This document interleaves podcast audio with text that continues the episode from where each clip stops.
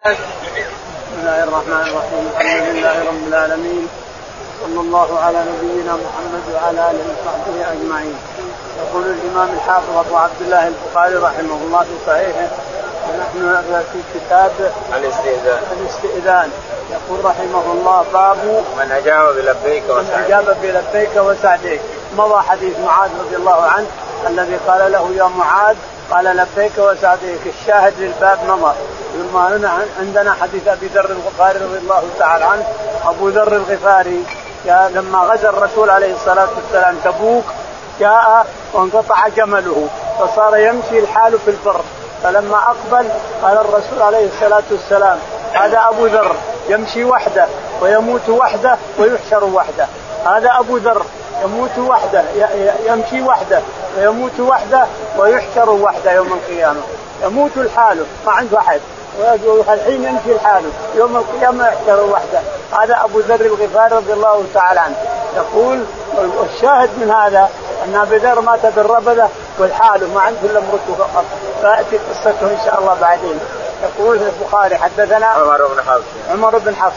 قال حدثنا عن أبي حفص بن غياث. أبي حفص بن غياث. قال عن الأعمش. عن الاعمج قال حدثنا زيد بن وهب. زيد بن وهب. قال حدثنا قال زيد حدثنا والله قال زيد حدثنا والله بالربذة يعني و- وسبب نزوله الربذة أنه أنكر على الشام على معاوية أنكر في أيام عثمان بن عفان أنكر على الأغنياء قال أخرجوا زكواتكم. علنا وسرا يا جماعة اخرجوا زكواتكم فشكوه للشام ومعاوية هو الأمير. فأخبر عثمان أن أبا أن أبا أبا ذر آه، فتن الناس وضيق على الناس. قال تعال يا ابو ذر. فلما جاء إلى المدينة حصل ما حصل مثل ما حصل بالشام فنفاه إلى الربذة. الربذة قريبة من بين بين الشمال الشمال بعيد بعد ساعة ما تخرج من السويد المهم إنها مشهورة معروفة. قرية كبيرة الآن صارت حدائق وصارت مدينة ما هي قريه إلى الاخره الشاهد يقول نعم. قال كنت أمشي مع النبي صلى الله عليه وسلم في حرة المدينة عشان استقبلنا احد هذا يقول أبو ذر كنت أمشي مع الرسول عليه الصلاة والسلام في حرة المدينة في الحرة. فقال يا أبا ذر فقال يا أبا ذر ما أحب أن احدا ما أحب أن احد أن لي أحد ذهبا ويجلس عندي ثلاث أيام لافرقه هذا حث الرسول عليه الصلاة والسلام على المال إنه لا يبقى عندك الإنسان. ربما تموت تحسب عليه الإنسان. فأنفقه على الإنسان أحسن لك. أنفقه ما دمت حيا قبل أن يرثه الورثة والظلمة يأكلونه ويدعون عليك وما يدعون عليك. شاهد أنك انفقه ما أحب أن لي ثلاث أيام احد ذهبا. مثل احد ذهب يبقى ثلاث أيام الا قد انفقته في سبيل الله. الا إلا أرشده لديه الا دي إلا قرش أرشده لديني. عندي مثل علي دين أرشد قروش لديني. هذا ما في شيء. قال ثم قال يا أبا ذر قلت لبيك وسعديك يا رسول الله الأكثرون هم الأقلون إلا قال ثم قال يا أبا ذر إن الأكثرون هم الأقلون يوم القيامة. يعني الأكثر الأغنياء هم الذي اقلون ما عندهم شيء ما عندهم أعمال صالحة يوم القيامة. لكن الفقراء والمساكين عندهم أعمال صالحة يوم القيامة يصيرون الأغنياء فقراء. الأغنياء في الدنيا والفقراء في الآخرة. الفقراء في الآخرة هم الفقراء في الدنيا. هم الأغنياء في الآخرة هم الفقراء في الدنيا والأغنياء في الدنيا هم الفقراء في الآخرة. نعم. ثم قال يا ابا ذر مكانك لا تبرح يا ابا ثم قال يا ابا ذر مكانك لا تبرح. يقول فجلست وذهب قليلا عني بعيد شوية. يقول وسمعت ضوضاء وسمعت حركة وسمعت كذا ولكن قال لي لا تبرح. يقول فأردت أن أقوم واتبعه وأشوف إيش حصل لكن لما ذكرت قوله لا تبرح وقفت مكاني. لكنه رجع علي عليه الصلاة والسلام فقلت يا رسول الله سمعت ضوضاء وسمعت حركات خفت عليك وأردت أن الحظر لكن ذكرت قولك لا تبرح قال هذا جبريل أتاني فأخبرني. قال إنه من مات من أمتي لا يشرك بالله شيئا. إنه من مات من أمتي لا يشرك بالله شيئا دخل الجنة. وإن زنا وإن سرق. إن زنى وإن سرق وإن شرب الخمر. يعني لو فعل المعاصي إذا مات ولم يشرك بالله شيئا دخل الجنة إلا أنه قد يعذب وقد يغفره الله. الذنوب هذه قد تغفر. إذا تاب الإنسان منها تاب الله عليه. وإن مات ولم يتب فقد يغفرها الله له كرما وجودا ورحمة ولطفا بعباده. واحيانا يدخل النار ويطهر بقليل من من ذنوبه ثم يخرج ويلقى في وادي الحياة كما ذكر. نعم كما سيأتي نعم. باب لا يقيم الرجل الرجل من مجلسه. قال رحمه الله حدثنا إسماعيل بن عبد الله قال حدثني مالك النافع عن ابن عمر رضي الله عنهما عن النبي صلى الله عليه وسلم قال لا يقيم الرجل من مجلسه ثم يجلس فيه. يقول البخاري رحمه الله باب لا يقيم الرجل الرجل من مجلسه ثم يجلس فيه. يعني ممنوع هذا لأنه من أعمال الجبابرة والمتكبرة. تقوم الرجال وتجلس مسكان ما يمكن سواء كان في في خارج المسجد أو في المسجد. سواء كان في المسجد تقيمه من الصف تجلس مكانه أو خارج المسجد ناس جالسين وتقيم واحد منهم تجلس مكانه. هذا من أعمال الجبابرة التكبر. فلا يجوز ممنوع هذا نعم. قال حدثنا إسماعيل بن عبد حدثنا إسماعيل. قال حدثنا مالك. مالك. قال حدثنا نافع عن ابن عمر. نافع عن ابن عمر. أن النبي عليه الصلاة والسلام قال لا يقيم الرجل الرجل ويجلس في مكانه. لا يقيم الرجل الرجل من مكانه ثم يجلس في مكانه. ممنوع لأن فعل الجبابرة. تقوم هذا وتجلس مكانه فعل الجبابرة. سواء في الصف في الصف يصلين مصلي بيصلي أو في الخارج وجالسين في مجلس كبير ثم تجي تقوم هذا تقول يا فلان قوم بجلس مكانك. لا يجوز لأنه فعل الجبابرة. ممنوع. نعم. ولو قال قم يا فلان بجي تقول لا ما اقوم باب قوله تعالى إذا قيل لكم تفسحوا في المجالس فافسحوا يفسح الله لكم وإذا قيل انشزوا فانشزوا الايه قال رحمه الله حدثنا خلاد بن يحيى قال حدثنا سفيان عبيد الله النافع عن ابن عمر عن النبي صلى الله عليه وسلم أنه ان يقام الرجل من مجلسه ويجلس فيه آخر ولكن تفسحوا وتوسعوا وكان ابن عمر رضي الله عنهما يكره أن يقوم الرجل من مجلسه ثم يجلس مكانه.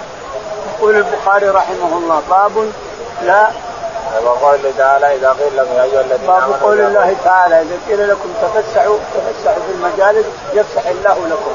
يعني أنك لا تقوم عن الرجل ويجلس مكانك ولكن تفسحوا. اثنين متلاصقين يريد واحد أن يجلس ما لقى مكان يلحق هذا الشيء وهذا الشيء. إذا قيل لكم تفسحوا في المجالس تفسحوا. وإذا قيل انشزوا قوموا وارتفعوا انشزوا قوموا وارتفعوا. كذلك. قال لكم قوموا تقومون. وإذا كان تمسح يا فلان وفلان ابجلس بينكما لا بأس بذلك. تفسحون أنا قاعد وهو قاعد أنت فسح ويجلس إلى اخره نعم. قال حدثنا خلاد بن يحيى. يقول البخاري حدثنا خلاد قال حدثنا سفيان. سفيان قال حدثنا عبيد الله عن نافع. عبيد الله عن نافع عن ابن عمر. رضي الله تعالى عنه أنه كان يكره الناس أن يقيموا له. أصحاب ابن عمر رضي الله عنه. اولا أن النبي صلى الله عليه وسلم نهى أن يقام الرجل من مجلسه يقول أن النبي نهى عليه الصلاة والسلام أن يقام الرجل ويقعد مكانه. وكان ابن عمر يكره أن يقوم بعض أصحابه له يكرمونه. اصحابه يكرمونه لكن هو يكره أن يقوم الرجل علشان يقعد ابن عمر مكانه. يمنع يرفض يرفض أن يجلس مكان تقوم أنت يا ابن عمر تعال اجلس تقول لا ما اجلس مكانك باب من قام من مجلسه أو بيته ولم يستأذن أصحابه أو تهيأ للقيام ليقوم الناس. قال رحمه الله حدثنا الحسن بن عمر قال حدثنا معتمر قال سمعت أبي يذكر عن أبي مجلس عن أنس بن مالك رضي الله عنه قال لما تزوج رسول الله صلى الله عليه وسلم زينب بنت جحش دعا الناس طعموا ثم جلسوا يتحدثون قال فأخذ فكأنه يتهيأ للقيام فلم يقوموا فلما رأى ذلك قام فلما قام قام من كان من قام معه من الناس وبقي ثلاثة وان النبي صلى الله عليه وسلم جاء ليدخل فاذا القوم جلوس ثم إنهم قاموا فانطلقوا قال فجئت فأخبرت النبي صلى الله عليه وسلم أنهم قد انطلقوا فجاء حتى دخل فذهبت أدخل فارق الحجاب بيني وبينه وأنزل الله تعالى يا أيها الذين آمنوا لا تدخلوا بيوت النبي إلا أن يؤذن لكم الآية. يقول البخاري رحمه الله باب من قام من مجلسه أو بيته ولم يستأذن. قام من مجلسه أو بيته أو قام من مكانه ورجع إلى بيته ثم رجع إلى الناس الذي قام من عندهم. ولم يستاذن هذه قصتين. والثانية أو تهيأ للقيام أو تهيأ للقيام. يريد الناس أن يقوموا فلم يقوموا. إلى آخره. المسألة قصتين. القصة الأولى أن النبي عليه الصلاة والسلام ذكر حاجة وهو يصلي. يريد أن يكبر. يريد أن يكبر للصلاة. فذكر حاجة في بيت أو شيء من هذا ثم خرج مسرعا ودخل بيته ثم رجع وكبر وصلى. وقال للناس إني ذكرت دراهم عندي ولما أردت أن أكبر ذكرتها. فذهبت انفقتها أنفقتها ثم جئت وصليت. هذه القصة الأولى. القصة الثانية قصة زينب كما يأتي في الحديث.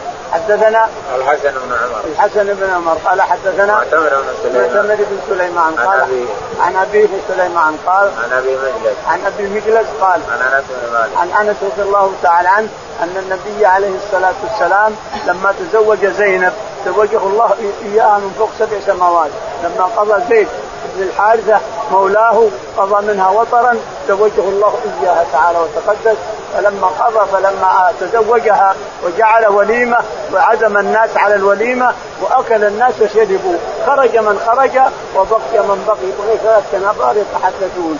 الرسول عليه الصلاة والسلام يريد أن يدخل على زوجته لكن ماذا يعمل بالذي جلسوا؟ ذهب إلى بيت عائشة. فلما وصل العتبة رجع. ومعه أنس بن مالك رضي الله تعالى فلما جاءوا إذا قاعدين يتحدثون فرجع مرة ثانية حتى وصل باب عائشة. ثم رجع واذا قد خرجوا. فأخبره آنس إنهم خرجوا رسول الله. فلما خرجوا دخل عليه الصلاة والسلام على زينب يقول أنس وأرخ حجاب. أنس اليوم له 20 سنة وارخى الحجاب بيني وبينه. يقول ارخى الحجاب ونزلت آية الحجاب بستر أزواج عليه الصلاة والسلام حتى بدنها ما يشاف حتى بدن زوجة الرسول ما يشاف لازم تستر ما يشاف حتى بدنها. نعم. باب الاحتباء باليد وهو القرفصاء قال رحمه الله حدثنا محمد حدثني محمد بن أبي غالب قال أخبرنا إبراهيم بن المنزل الخزامي قال حدثنا محمد بن فلين نبي عن ابن عمر رضي الله عنهما قال رأيت النبي صلى الله عليه وسلم بفناء الكعبة مهتبيا بيده هكذا. يقول البخاري رحمه الله باب الاحتباء باليد الاحتباء باليد يسمى القرفصاء الحبوة أن تحتبي هكذا الإنسان. هذا الحبوة كذا. والقرفصه أن تجعل يدك واحدة أو الثنتين وراء ظهرك الإنسان وتتكي عليها. هذه يسمى القرفصه وهذا الاحتباء يقول البخاري رحمه الله. حدثنا محمد بن أبي غالب. محمد بن أبي غالب. قال حدثنا إبراهيم بن المنذر. إبراهيم بن المنذر. قال حدثنا محمد بن فليح محمد بن فليح فليح قال عن ابي فليح عن ابي فليح عن نافع عن ابن عمر. عن نافع عن ابن عمر. أن النبي عليه الصلاة والسلام نعم. قال رأيت رسول الله صلى الله عليه وسلم ببناء الكعبة متكئا. يقول رأيت رسول الله عليه الصلاة والسلام ببناء الكعبة متكئا القرفصاء يعني متكئا على يد واحدة أو على يديه اثنتين بجانب الكعبة كساء ما قبل أن يهاجر عليه الصلاة والسلام. نعم. باب من اتكى بين يدي أصحابه. قال خباب رضي الله عنه اتيت النبي صلى الله عليه وسلم وهو موسد بردا. فقلت ألا تدعو الله فقعد قال حدثنا علي بن عبد الله. قال حدثنا بشر بن المفضل. قال حدثنا جريج عن عبد الرحمن بن أبي بكر عن ابي رضي الله عنه قال قال رسول الله صلى الله عليه وسلم ألا أخبركم بأكبر الكبائر؟ قالوا بلى يا رسول الله. قال الإشراك بالله وحقوق الوالدين. قال حدثنا مسدد قال حدثنا بشر مثله وكان متكئا فجلس قال فقال ألا وقول الزور فما زال يكرر حتى قلنا ليته سكت. يقول البخاري رحمه الله باب من اتكى بين يدي أصحابه. من اتكى بين يدي أصحابه. يعني أنت جالس وآمن أصحابك وهم وهم عارفين لك وسامحين لك اتكي الانسان تتكي اما تتكي على يدك كذا على مرقى أو تتكي إذا كنت آمنا منهم. وأنهم لا يزعلون وهم أيضا اذين آذين لك. تستأذنهم وتتكي الإنسان بين أصحابه. حدثنا وقال خباب أتيت النبي وقال خباب أتيت النبي عليه الصلاة والسلام. هذا قبل يهاجر قبل أن يهاجر إلى المدينة. وهو عند الكعبة مختب عن قريش. يصير يستقبل الكعبة ويستقبل بيت المقدس. يقول خباب آتيت قلت ادعو الله لنا. فقال فقعد. فقعد وكان متكئا. فقال نعم. قال ثم قال حدثنا علي بن عبد الله ثم قال حدثنا علي. قال حدثنا بشر المفضل بشر المفضل قال حدثنا سعيد بن سعيد. قال عن عبد الرحمن بن أبي بكر عن عبد الرحمن بن هرمز. قال عن عبد الرحمن بن أبي بكر. عن أبي بكر. عن عن أبيه عن أبيه أبو بكر أبو بكر. قال قال رسول الله صلى الله عليه وسلم ألا أخبركم بأكبر الكبائر؟ قالوا قال الرسول عليه الصلاة والسلام ألا أخبركم بأكبر الكبائر؟ قلنا بلى يا رسول الله. قال إشراك بالله. وعقوق الوالدين وكان متكئا فجلس. هذا الشاهد. وكان متكئ فجلس. قال ألا وقول الزور؟ ألا وقول الزور؟ قال فكررها. ما زال يكررها حتى قلنا ليته سكت. باب من أسرى في مشيه لحاجة أو قصد.